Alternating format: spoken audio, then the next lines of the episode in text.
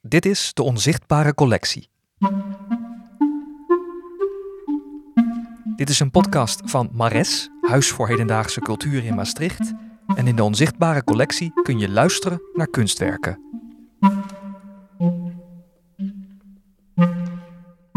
En toen zag ik het. Vijf hangende dieren, vastgemaakt met een stuk touw aan een draaimolen. Soms kan kunst zo'n grote indruk op je maken dat die ervaring nog lang in je hoofd kan blijven rondwalen. Dan denk je echt van, what? Het is zo cool. De onzichtbare collectie bestaat uit mensen die over zulke ervaringen vertellen. Wat zagen ze? Hoe groot was het? Wat stelde het voor? Waar dachten ze aan? Dingen zoals gezondheid, leven, liefde, verdriet en doodgaan, genezing. Dus eigenlijk al die dingen die we allemaal mee te maken krijgen, want ons leven is nou eenmaal vergankelijk. Door naar zulke kunstverhalen te luisteren kun je zonder het kunstwerk te zien daar toch een beeld of gevoel bij krijgen. En is het bijna alsof je zelf voor dat kunstwerk staat. Misschien dat je daarna ook wel op die manier naar dat kunstwerk of naar andere kunstwerken kunt kijken.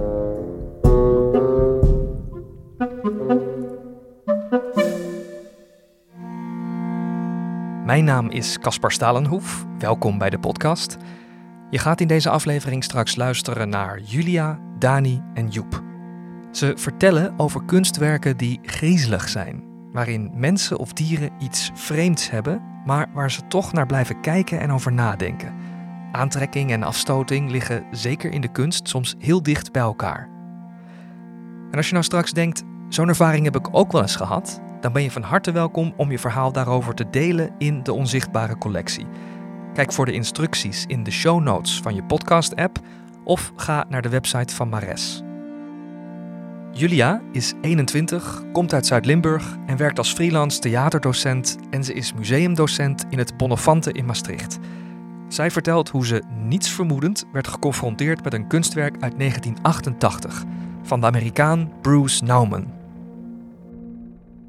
Zonder verwachtingen ging ik naar binnen en liep ik de trap op. En toen zag ik het. Vijf hangende dieren, vastgemaakt met een stuk touw aan een draaimolen. Oh, ik schrok. Het zag er zo gruwelijk uit. Ik kreeg direct het gevoel dat ik dit eigenlijk niet wilde zien, maar tegelijkertijd kon ik niet wegkijken. Ik weet niet precies welke dieren er hingen. Ik zag een hert, een beer en honden, geloof ik. Ze waren dood donkergrijs gekleurd. Ik rook niks, maar kon zo een voorstelling maken van de sterke, rottende geur dat er vanaf zou kunnen komen. De meeste raakten nog net de grond en op de grond lag een hele grote rode knop. Zo eentje die eruit ziet alsof het alleen gebruikt mag worden in noodgevallen, waarvan je weet dat er dan iets spannends gaat gebeuren. Zo eentje die je echt graag wil indrukken. Ik drukte op de knop de molen begon rond te draaien. Er klonk een akelig, krassend geluid van de dieren die de grond raakten. Het geluid kan je vergelijken met het krassen van krijt op een krijtbord. Het had zo een etalage kunnen zijn van een slachthuis. Die hangende lichamen deden me denken aan koeien die gevild worden voor vlees. Iets dat tegenwoordig natuurlijk super normaal is, maar bijna niemand eigenlijk ziet. En we ook niet bewust van zijn als we een stuk vlees kopen in de supermarkt maar nu bijna trots weergegeven. Alsof de kunstenaar de dieren etaleert en zegt: Kijk eens wat ik hier heb hangen. Trots op de dieren die hij zojuist gevangen heeft. Doordat het een draaimolen is, laat het bij mij ook een speelse indruk achter. Bijna alsof het niet serieus wordt genomen. En het draait maar door, steeds weer in diezelfde cirkel. Het deed me daardoor ook denken aan het levenscyclus. Deze dieren hebben ooit geleefd en zijn nu dood. Een leven wordt geboren en sterft, komt en gaat weer weg. En ondertussen laat ieder van ons, bewust of onbewust, iets achter. Dat kan kennis, een idee of uitvinding zijn. En dat wordt dan weer nagelaten en onderdeel van het nieuwe leven. Zo hebben we ons steeds verder weten te ontwikkelen en zijn we steeds afhankelijker geworden van techniek. Zoals de dieren in dit werk aan de machine hangen. Lekker makkelijk. En terwijl we het zo voor onszelf makkelijk maken, laten we hiermee ook schade achter aan de natuur. Denk aan de opwarming van de aarde of de verdwijning van de vele diersoorten op de wereld, doordat de mensen steeds meer plek in hebben genomen en steeds meer zijn gaan gebruiken. Dat zijn voor mij die krassen op de vloer die die dieren achterlaten. Het lijkt bijna alsof we niet meer onderdeel zijn van de natuur. Maar dat zijn we natuurlijk wel. We blijven nog steeds zoogdieren. We leven in dingen die we allemaal bedacht en gemaakt hebben. We wonen in huizen, rijden in auto's, communiceren met onze telefoons. En we willen ook steeds meer, betere, grotere dingen maken. Omdat we daarmee denken vooruit te gaan. En dat lijkt in de toekomst alleen maar meer te worden. We hebben zo'n enorme afhankelijkheid van wat er al is bedacht door de mensen voor ons. Stel nou dat het allemaal verdwijnt. Alles dat al voor ons is gemaakt. Alle machines, kennis en techniek. En we weer echt in de natuur moeten gaan leven. Hoe zouden we dat doen? Zouden we dat nog kunnen? Ik denk dat veel mensen het niet zouden weten, aangezien de meeste machines het werk voor ons doen. Zouden we het overleven? Heel realistisch is die gedachte misschien niet, maar ik vind het wel interessant om te bedenken hoe wij als samenleving plek innemen op de wereld en hoe we dat in de toekomst kunnen gaan doen. Julia zag dit kunstwerk in het Stedelijk Museum in Amsterdam. En nu gaan we terug naar Maastricht, naar de zevenjarige Dani. Zij zag in Mares een kunstwerk van de Deense kunstenaar Lilibet Cuenca Rasmussen. Het is een soort hoebal met heel veel haar. We weten niet wat het is, maar het is een beetje griezelig en het haar is zwart. En, en ja, als je dan kijkt, dan, dan denk je echt dat er op een gegeven moment een mens uitkomt. Dan, dan, dus dan ben je echt, dan denk je van, wow, wat is dit nou weer? En dan, ja, dan denk je echt van What? Het is zo cool. En dus je hoeft niet eens en naar, en naar te kijken. En dan weet je gewoon dat er iets misschien uitkomt. Dus het is gewoon... Je, je kijkt ernaar en je denkt van... Oké, oké, oké. Kalm aan.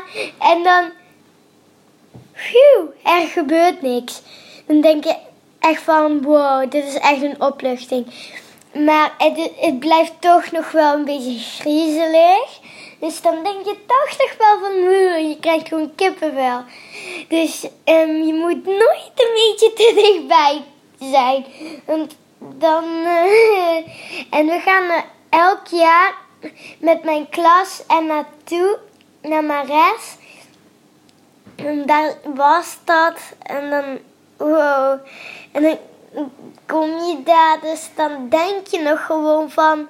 Oké, zelfs de tweede keer en de derde keer, hoeveel, hoe vaak ik er al ben geweest met mijn mama... Het blijft toch nog gewoon griezelig, maar helaas is het nu al weg. Maar ja, dat is zo cool daar, hè. En um, dit is echt heel cool daar. En dus ja, dan denk je echt van, oké, oké, oké, rustig aan. Maar het blijft gewoon, hoe vaak je er ook naartoe gaat. En als je dan om je heen kijkt, dan, je loopt er eigenlijk omheen, maar het blijft haar. En over, over de grond, ja, daar is het ook. En ja, um, dit, dit is gewoon een beetje griezelig, maar toch blijft nog wel heel erg griezelig. En daarachter zie je een foto. En um, daar, daar, staan, daar staat die ook op. En dan is daar zo'n hand doorheen. En nog dingen. En dan, ja, dan krijg je toch echt wel meer het gevoel dat er iets uitkomt. Dus toen dacht ik van, ah, ik wil hier weg, ik wil hier weg. Want het was echt een beetje heel erg, veel te veel, veel te erg griezelig. Want ja, dit is gewoon, ja, te cool en een beetje te griezelig. Dat je denkt van, oké, oké, rustig aan, rustig aan. Want het, het blijft gewoon, ja. ehm, Vertel nog eens over de, over het, over de pop zelf. Hoe groot was die? Of, of dat on- soort dingen. ongeveer zo. Oh, Ik denk een meter. Vertel maar een meter. een meter of zo. Met haar, haar, haar. Ik kon, ik kan bijna niks doorheen. En ja, de kunstenaar. En het is een mevrouw die heet Lilibet Rasmus. en ehm dat, ja, die pop blijft gewoon griezelig. Eh, je, je, je weet gewoon niet wat je moet doen. Dani en Julia beschreven kunstwerken die ze niets vermoedend waren tegengekomen en die ze duidelijk zowel afschrikwekkend als interessant vonden. Maar in de onzichtbare collectie zitten ook verhalen van mensen die zelf beelden maken. Het volgende verhaal wordt verteld door Joep van Lieshout. Hij is oprichter van Atelier van Lieshout, waar hij sinds 1995 met zijn team werkt in het havengebied van Rotterdam. Joep beschrijft een van zijn nieuwe sculpturen. Het is best een groot beeld. En het bestaat uit een operatietafel. Een operatietafel uit het leger. Dus eigenlijk een heel eenvoudig verstelbaar bed. Op dat bed ligt een vrouw. Aan dat bed hangen ook infuus en beugels waar de benen van de vrouw in hangen. Want de vrouw is aan het baren. Naast de operatietafel staat een man. Zonder kleren. Ja, die anderen hebben ook geen kleren aan overigens. Iedereen is naakt in dit beeld. Maar je ziet eigenlijk niks. Maar daarnaast staat dus een man, een soort stoere man, die helemaal rood gespoten is. Maar door de rode verf zie je wat glinstering van een soort tekening van een soort badpak of ondergoed door de verf heen schijnen. En hij heeft ook een pruik op, een rode pruik. En eigenlijk, die hele figuur die ernaast staat, is helemaal rood. Knalrood. Een soort bezetene, een soort duivel. Terug naar de vrouw. Die vrouw ligt redelijk ontspannen op dat bed. Die is eigenlijk twee figuren aan het baren. Eén kind, die komt niet uit waar die normaal uitkomt, maar die groeit als het ware uit haar buik. Of die zit op haar buik. Dat is een beetje moeilijk te zien. Het babytje heeft ook geen handen trouwens. Op de plek waar normaal gesproken de baby uitkomt, komt een mannenhoofd uit. En daar kun je eigenlijk ook niet zien of hij nou eruit komt of dat hij eraan vergroeid is. Al die figuren zijn met elkaar verbonden als zijnde één groot doorlopende vorm.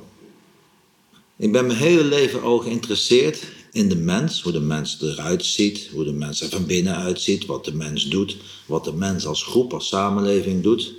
Ik ben ook heel bijzonder geïnteresseerd in de medische kant, dus de fysieke kant van de mens. Hoe zien we er aan de binnenkant uit? Hoe zien onze organen eruit? Hoe functioneren ze? En natuurlijk ook dingen zoals gezondheid, leven, liefde, verdriet en doodgaan, genezing. Dus eigenlijk al die dingen die we allemaal mee te maken krijgen, want ons leven is nou eenmaal vergankelijk, dat is mijn interessegebied. Een kunstwerk moet eigenlijk alleen maar een gevoel losmaken of een, een soort idee losmaken wat je hersenen aan het denken zet. Dus eigenlijk een kunstwerk moet je ook een beetje in de war schoppen, want dat is namelijk het doel van kunst. Er zitten natuurlijk hele autobiografische elementen in. Je zou kunnen zeggen, de man is de kunstenaar die geboren wordt uit een vrouw, die afhankelijk is van een vrouw, die geïnspireerd wordt door een vrouw, maar tegelijkertijd is het ook een hele bijna onmogelijke positie, want een vrouw kan namelijk geen volwassen man baren. En dat kind, misschien is dat wel het kind wat ik eh, voor gekozen heb om eh, niet te hebben. En die vrouw is wel ook heel mooi, maar ook heel stoïcijns. Maar misschien ben ik wel die duivel, die rode duivel die ernaast staat. En alles staat te orchestreren en te bekijken en te sturen. Dus kunst gaat heel erg over de interpretatie van de toeschouwer. Ik vind het juist heel erg leuk dat mensen hele andere dingen in het kunstwerk zien dan dat ik bedoeld heb. Ik vind dat daardoor, zeg maar, die vrijheid van de toeschouwer, ja, daar gaat het uiteindelijk om. Want kunst is geen exacte wetenschap. Kunst is niet zoals een wetenschappelijke textuele verhandeling over iets wat waar is of niet waar. Kunst is eigenlijk gevoel. En kunst zal ook iedere keer anders geïnterpreteerd worden. Het is heel erg tijdsgebonden, heel erg plaatsgebonden en heel erg verbonden met de persoon die je zelf bent, hoe je een kunstwerk interpreteert.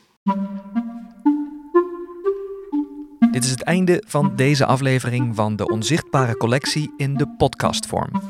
Je kunt zelf bladeren door de volledige Onzichtbare Collectie op de website van Mares.